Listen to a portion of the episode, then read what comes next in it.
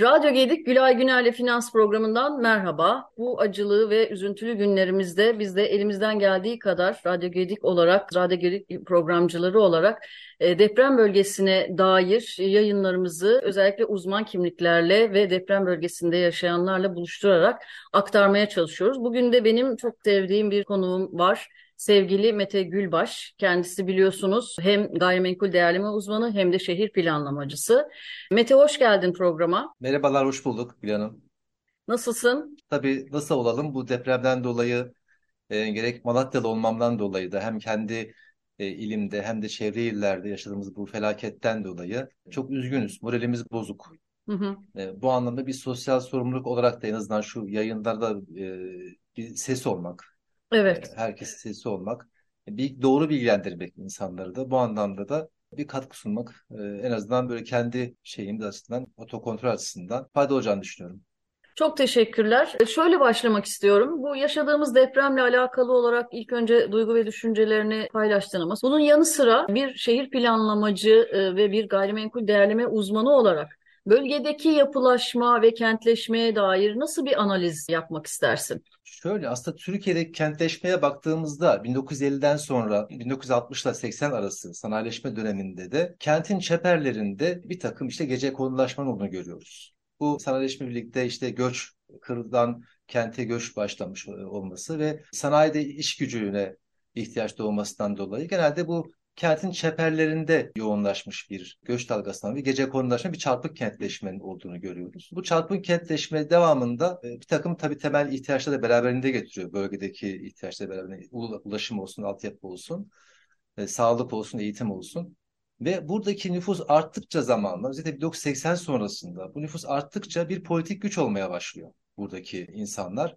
Ve politik güçten de siyasi bir oy kaybı nedeniyle gelen e, bizim siyasilerimizin yerel yönetimler olsun, seçilmişler olsun bu politik gücü çok iyi kullanıp bu için bir imar aflarına aslında sebebiyet verdiler. İmar affı ortaya çıktı.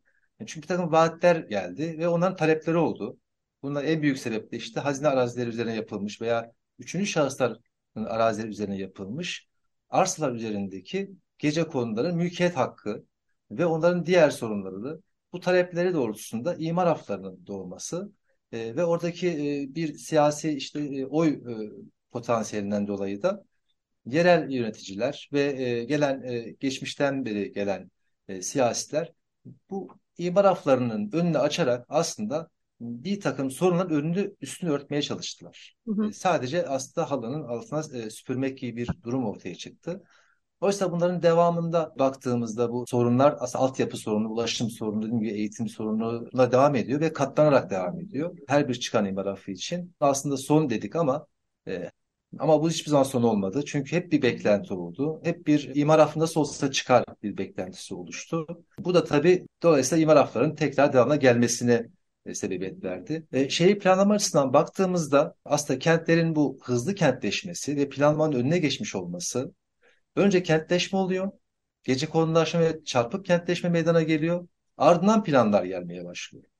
Ve hani şu an günümüzde görüyorsunuz yani yollar, kavşaklar, bir takım şeyler alttan üstten gidiyor. 3-5 tarafa birden ayrılıyor. Ve bu ulaşım planlaması, yani gerek kent planlaması aslında e, kentleşmenin gerisinde kaldığı için de e, biz aslında planlamayı ilk başta planlı bir şekilde götüremediğimiz için yerel halkla birlikte götüremediğimiz için, katılımcı bir demokrasiye götüremediğimiz için, sivil toplum örgütlerini de katamadığımız için baktığımızda aslında bir e, çarpık kentleşmenin ve planların 25-30 yıllık yapılırken biz planlarımızı aslında 25-30 yıllık yaparız. En az 20 ve 30 yıllık süreçte yaparız ve ona göre kentleri, e, nüfusunu planlarız. Ona göre sanayisini, ticaretini e, planlarız. Kentin gelişme alanlarını belirleriz. Ve bunu yaparken de e, mutlaka şehir planlarında altlık olarak halihazır harita dediğimiz yani kentin işte topografik durumunu ve üzerindeki her türlü ağacını, duvarını gösteren harita üzerine topografik olarak da jeolojik fay hatlarının işlenmesi gerekir. Normal şartlarda fay hatlarının olduğu haritalar üzerine planlar yapılır ve bu planlarda bu fay hatlarının üzerleri imar planlarında yeşil alan olarak ayrılır. Yapılaşmaya kesinlikle açılmaz ya da işte ovalardaki dere kenarlarındaki kısımlar dere taşkın sahaları sağlı sollu işte 50'şer 100'er metre 100 metre mesafe bırakılır. Burada kesinlikle yapı yapılmaz. Ve mutlaka güvenli doğru yer seçimleri çok önemli. Yani biz öncelikle planlamayı yaparken, şehir planı yaparken doğru yer seçimi birincisi. Bunu başlangıçta doğru yapmalıyız. Sağlam kaya üzerine yapmalıyız. Kesinlikle tarım topraklarını, alüvyon e, zeminleri ve fay hatlarından uzak durmalıyız. Mutlaka planların bu ölçekte yapılması gerekiyor. Tabii şimdi şunu soracaksınız. Yani yapılmıyor mu böyle bir şey? Madem bunların böyle olması gerekiyorsa e, neden yapılmıyor ya da yapılmıyor mu? Aslında kentlerimiz hani Antakya'da da işte Asi Nehri'nin kenarında gördüğünüz gibi en çok yıkım orada oldu. Evet. Ve burası e, nehrin kenarında normal dere yataklarından 100 metre sağından 100 metre solunda bir taşkın sınırı vardır. Taşkın saha sınırı vardır. E, kesinlikle yapıl yapılamaz. Ama Antakya'nın ben ilk planlarını öğrendiğim kadarıyla 1950'lerde yapılmış yanılmıyorsam 3 katken o bölgeler şu anda bakıyorsunuz 7 kat, 8 kat, 10 katlı binalar yapılmış. Yani planlar zamanla delinmiş ve oralar imarı kat e, artışı yapılmış. Her bir belediye geldiğinde kat artışı yaparak aslında planları delerek, planlara müdahale ederek burada bir nebze e, bu planların maalesef yapılış amacını, başlangıçtaki durumunu tam tersine çevirmişler. İşte yeşil alanları, fay hatlarını veya kötü olan zeminleri yeşil alan bırakmışken şeyi planlamacıları gelen yerel yöneticiler ya da bu plana müdahale edenler, siyasiler ve şehrin güç odakları bunlar da aslında müdahale ediyorlar planlara. Ve belediye meclisine baktığımızda, bu plan değişikliklerine baktığımızda belediye meclisi kimlerden oluşuyor? İşte bölgenin kasabından oluşuyor, bölgenin muhasebesinden oluşuyor. Bu da aslında bizim e, oradaki planlara karar veren belediye meclis üyelerinin de e, yeterli ehliyete sahip olmamasından dolayı da e, biz aslında planlar böyle delinerek, müdahale edilerek yanlış bir kentleşmenin ve sonuçta bu gelen deprem felaketinin aslında önüne de bir dayanak oluşturuyor diyebiliriz. Yani yanlış bir şekilde doğru uygulanmıyor. E, planlara müdahale edilmemesi gerekiyor. Planlar 20-25 yıllık, 30 yıllık yapılır. Bu müdahaleler tabii ki yapılabilir. Planlarda tabii ki olabilir. Kamu yararı gözeterek yapılabilir. Yani bu yanlış anlaşılmasın. Plana kesinlikle müdahale edilmesin demiyorum. Ama kesinlikle ranta dönük bir plan tadilatı yapılmaması gerekir. Peki tabii sen bütün kentleşmeye dair yapılan hataları tarih silsilesinden de getirerek aktarmaya çalıştın. Gördük de zaten e, senin bu bahsettiğin hata başlıklarının yarattığı olumsuz sonuçları. Tabii sayı olarak söylediğimizde şu kadar yaralı, şu kadar can kaybı var e, dediğimizde sanki bir istatistiki veri gibi duruyor ama her biri tek tek bir canlı ve onların hepsinin birer e, hayatta varlığı, duruşu, bir ailesi, eşi, dostu var. Bunların hikayeleri hepsi çok acı. Ama toplumun da anladığım kadarıyla senin söyleminden sadece siyasiler, sadece müteahhit değil, toplumun kendi yapısının da burada, talebinin de hani başımızı sokacak bir ev talebi vermesinin, bunun ekonomik mecburiyetlerinin bugüne kadar geldiğimiz noktada birçok altyapısal nedeni var. Demek kentleşme çok kolay değil. Sen dedin ki şehir planlamacıları 25 yıl civarında bir planlama yaparak e, şehrin evet. yerleşimini, kentin yerleşimini, ulaşımını hatta ekonomisini ve ticaretini belirler dedin. Benim de bildiğim kadarıyla e, Almanya'da da bu tür planlamalar 50 e, yıllık falan yapılıyormuş. Yani okumalarım bu yönde. Bu 50 yıllık plan senin yine söylediğin gibi kısmi değişimler, gelişimler yaratabilir ama çarpıklaşmaz en azından ve e, insan için olan konutların, iş yerlerinin sonuç itibariyle inşaatların insan hayatını sonlandıracak bir neticede doğurmaması lazım. Peki çok öneri de dolaşıyor sistemde. Herkes e, uzmanlık alanına göre önerilerden de bahsediyor bir yandan bundan sonrasına dair olarak. Bunların arasında mesleki sorumluluk sigortasını söyleyen, araçlarda olduğu gibi gayrimenkullerde de belirli dönemlerde bir denetim mekanizmasından geçirilmesini söyleyen, e, satış aşamasında hatta deprem raporunun olması gerektiğini söyleyen gibi birçok öneriler var. Ee, senin de yazdığın çok güzel bir makale var. Bunu da yayınımızın linkine bağlamak istiyorum. Oradan daha detaylı olarak e, bizi izleyen ve dinleyenler okuyabilirler. Ee, senin ne tür önerilerin olabilir e, bundan sonrası için en azından? Benim öncelikle tabii bir sistemi biz değiştirmemiz gerekiyor. Yani bizim sistemi değiştirmediğimiz sürece yaptığımız bu DASK'tı ve işte Brem raporuydu vesaireydi hani bunlar e, geçici çözümler. Evet. Abi öncelikle bizim yönetmelik ve mevzuata, mevzuatımızı düzeltmemiz gerekiyor. Zaten bununla ilgili aslında bizim 3194 sayılı imar kanunumuzun 20. maddesi de e, bir yapının imar planı, yönetmelik, ruhsat ve eklerine e, uygun olarak yapılma, yapılması gerektiğini belirtmiştir. Ve e, biz bu doğrultuda da bizim e, en son 2018'de bir deprem yönetmeliğimiz var. Hı hı. E, bu deprem yönetmeliği aslında bütün e, ve Avrupa'yla, e, Amerika'yla bu deprem yönetmeliğimiz eşdeğer. E, hiçbir sıkıntısı yok. Bu yönetmeliğe yapılmış olan yapılar hiçbir sıkıntı yok. Ve bizim asıl e, aslında sorunumuz bir denetimsizlik. Yoksa yönetmeliğimiz var, kanunluğumuz var baktığımız vakit. E, ama denetim kısmında eksikliğimiz var. Şu anda baktığımız vakit 99 depreminden sonra 2001 yılında yapı denetim kanunu çıktı. Daha önce bunu kimin elindeydi? İşte müteahhitlerin elindeydi e, ve yerel yönetimlerin elindeydi bu denetimler. Yerel yönetimler denetim yapıyordu. Ya da müteahhitlere eline bırakılmıştı, insaf, insafına bırakılmıştı. Aslında müteahhitlerine değil de kalfaların ve işlerin insafına bırakılmıştı.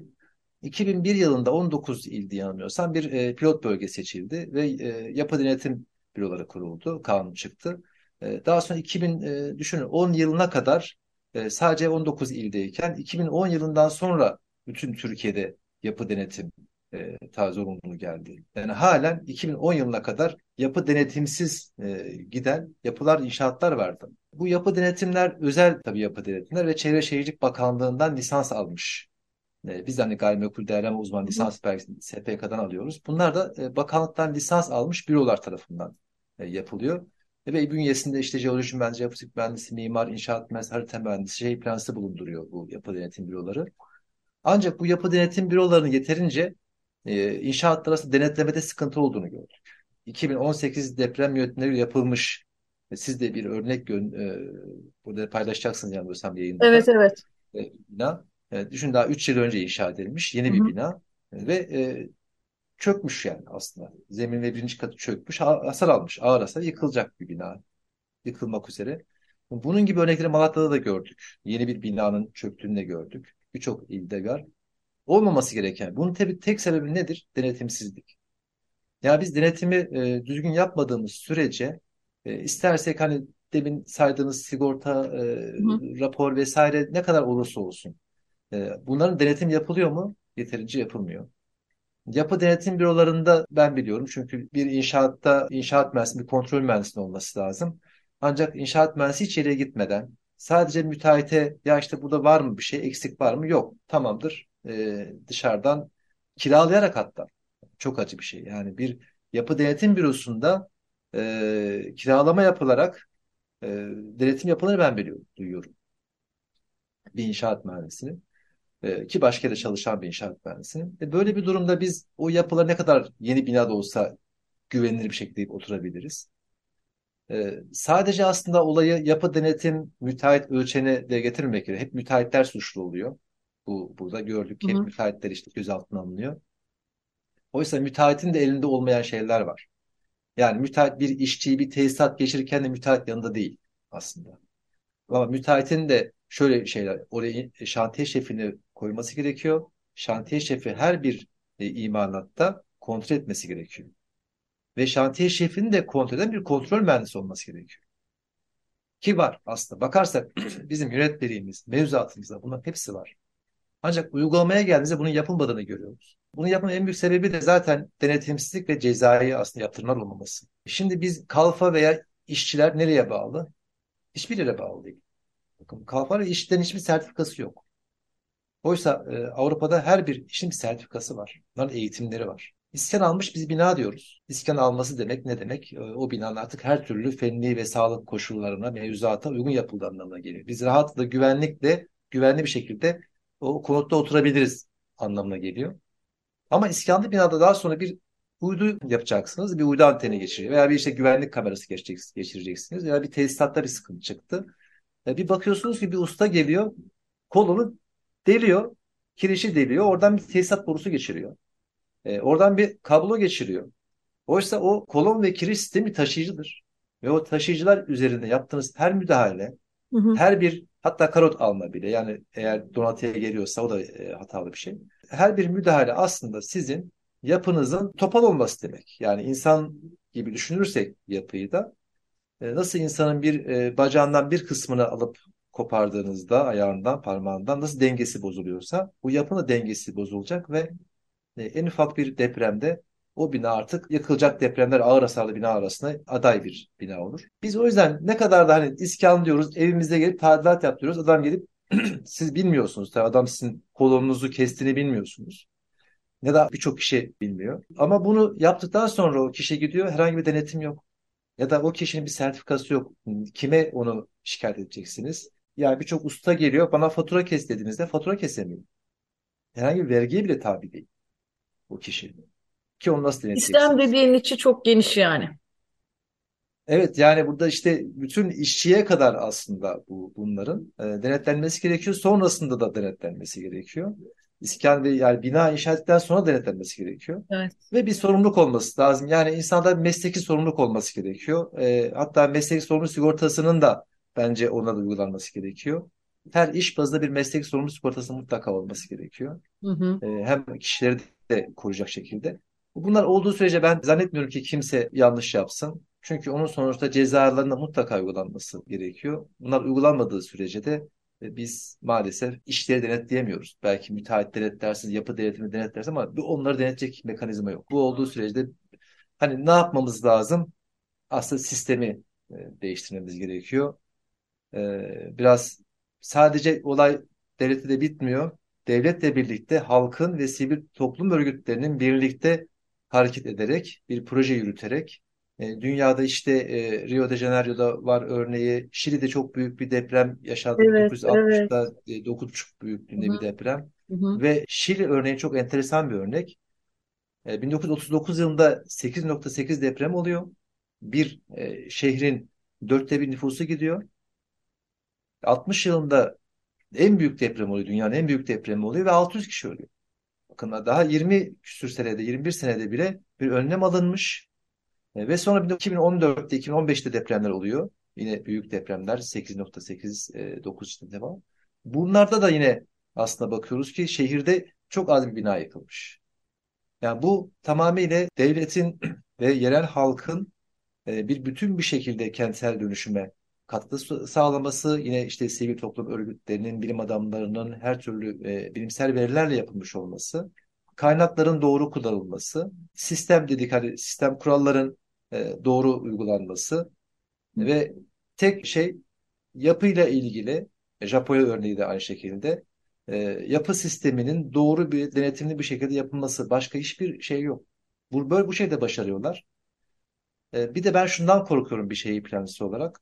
Şimdi Maraş'ta, Hatay'da, Adıyaman'da, Malatya'da bölgede bu e, afet bölgesinde yeniden bir planlama süreci hani görüyoruz. İşte konutlar yapılacak. İşte 30 bin konut, 70 bin konut yapılacak e, bir an önce.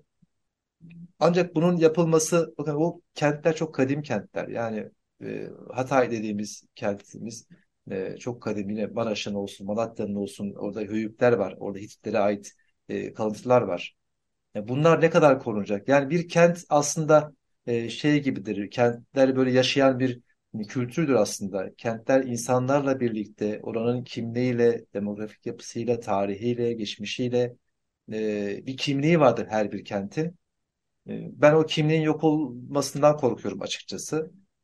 Planlamalar yapılırken ve yeni e, konutlar yapılırken e, mutlaka o kentin dokusuna uygun, o kentin iklimine uygun e, o kentin e, insanların işte yaşamına ve tarihsel geçmişine uygun e, mimari yapılar olması gerekiyor. Örneğin gidip de işte mesela Ürgüp bölgesi sizi kırmızı tuğla kullanmamalı.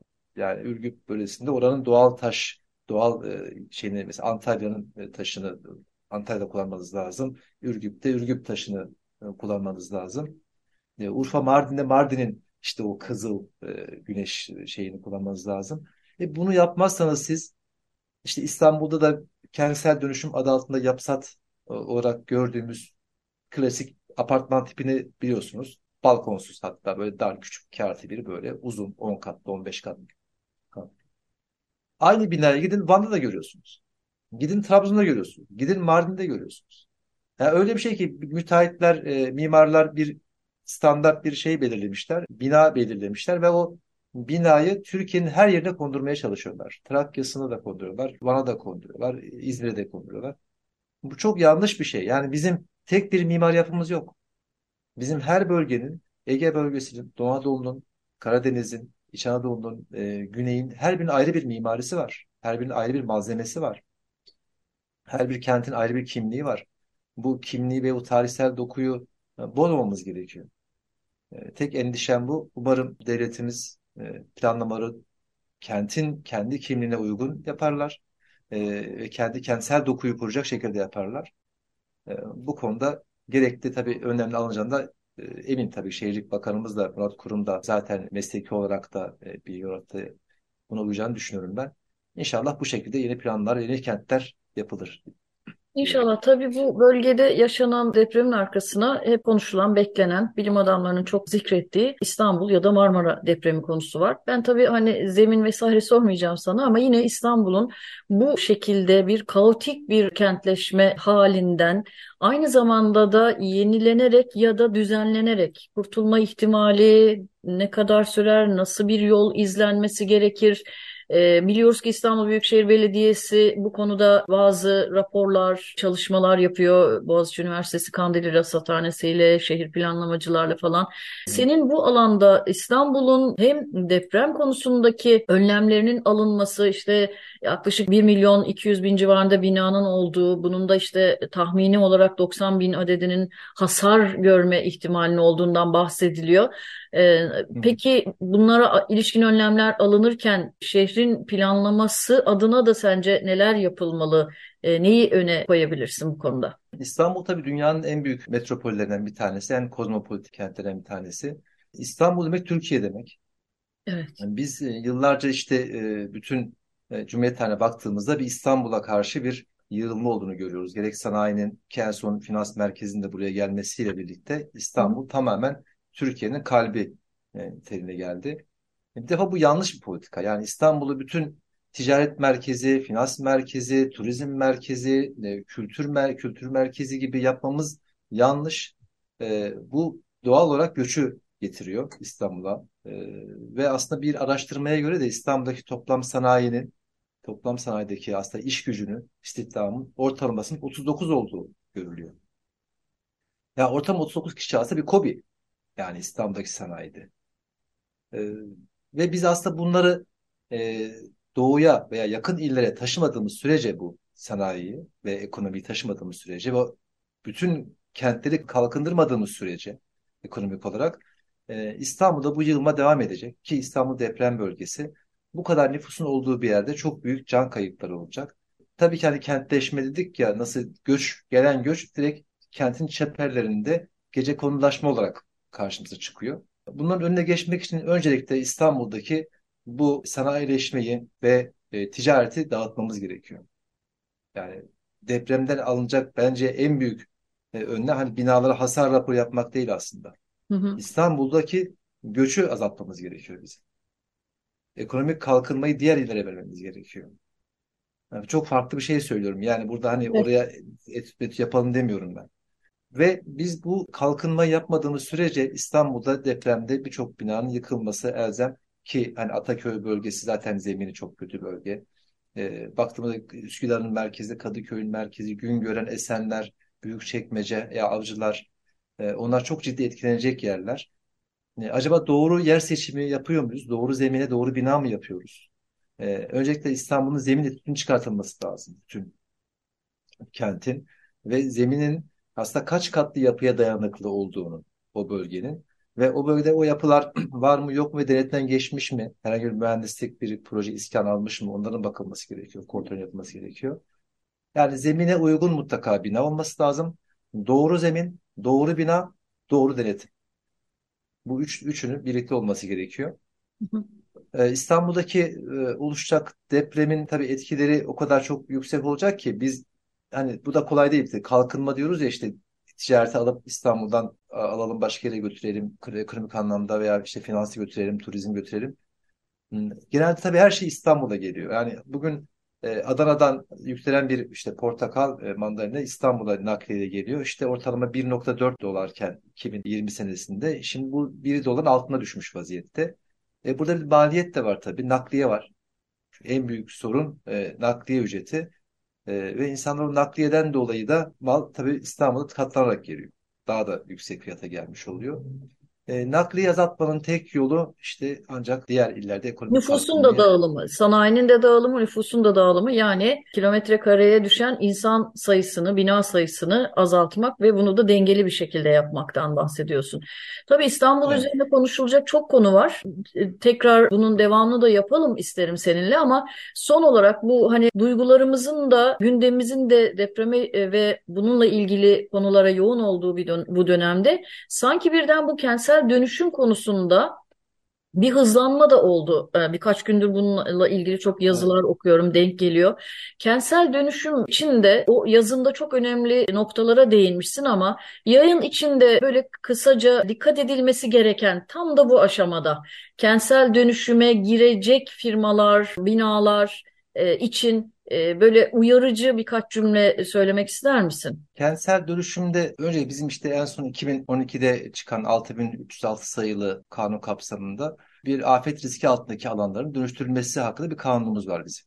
Hı hı. E, çok önemli bir kanun kentsel dönüşüm anlamında.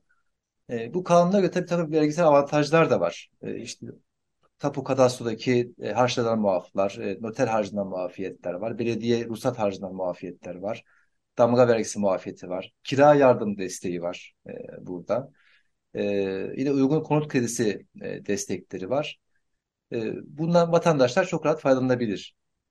Kentsel dönüşümün en önemli aslında yapılması gereken şey, bizde neden kentsel dönüşüm şu anda tam olarak yapılmıyor? E, Ben bir şehir plancısı olarak e, bizde yapsat şeklinde gidiyor aslında kentsel dönüşüm. Bu çıkan kanun da e, 2012 tarihinde çıkan 6306 sayılı kanun da aslında e, vatandaşla müteahhiti e, bir araya getirip e, binasını riskli rapor aldıktan sonra riskli rapora göre bir müteahhitle anlaşmasını ve binasını yenilemesini öngören bir e, sistem. Müteahhitin avantajı da işte bir takım demin saydığım gibi vergisel avantajları var.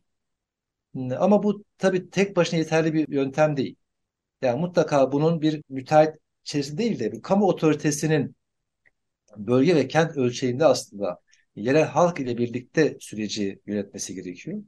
Demin diğer e, konuşmada söylemiştik. Sivil toplum örgütlerinin de buraya katılması gerekiyor. Ve bu süreç biraz da parsel bazında değil de e, bölge bazında ve insanların olduğu yere dönüştürülmesi, insan yaşadığı yerde e, dönüşüm sağlanması.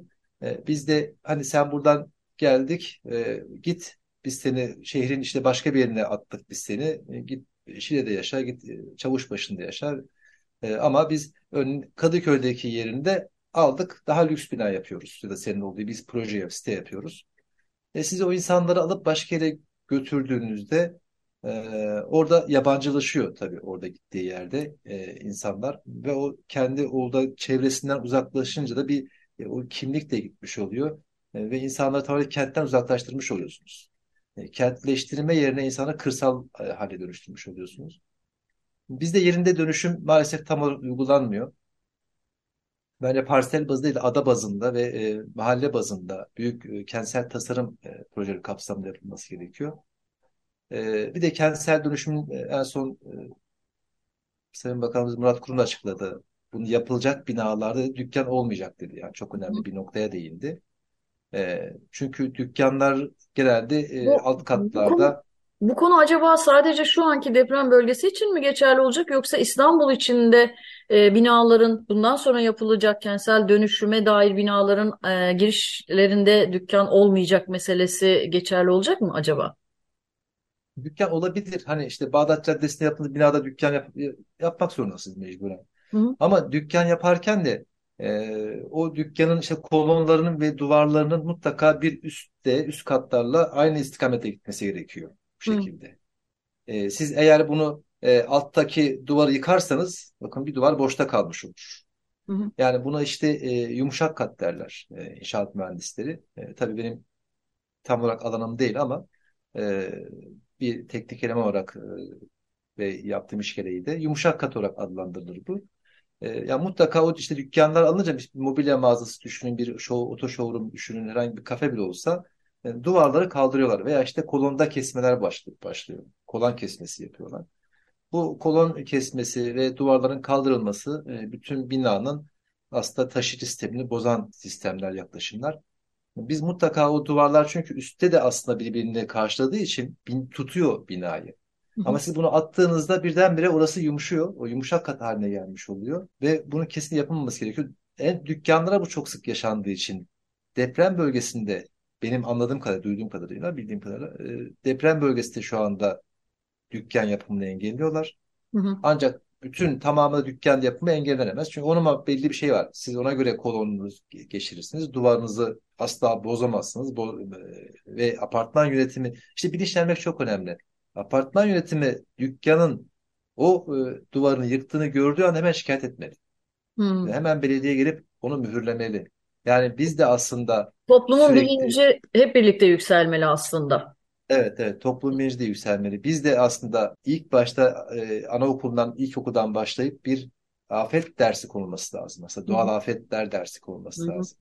Ben dün öğrendim. E, zorunluydu bizde ortaokulda falan coğrafya dersi kaldırılmış. Evet, evet. Üzücü bir durum. Yani coğrafya dersi kaldırılmış. Ki coğrafya dersinde biz hani yer bilimi falan onları da öğrenirdik. Böyle rüzgarlar, e, dere yatakları. Bunu. Aslında biz e, zorunlu eğitim olarak e, ilkokullarda bu afet dersini mutlaka bence e, koymamız gerekiyor. E, işte toplumu bilinçlendirmemiz gerekiyor. Bunun için de aslında en azından en alttan başlamak gerekiyor.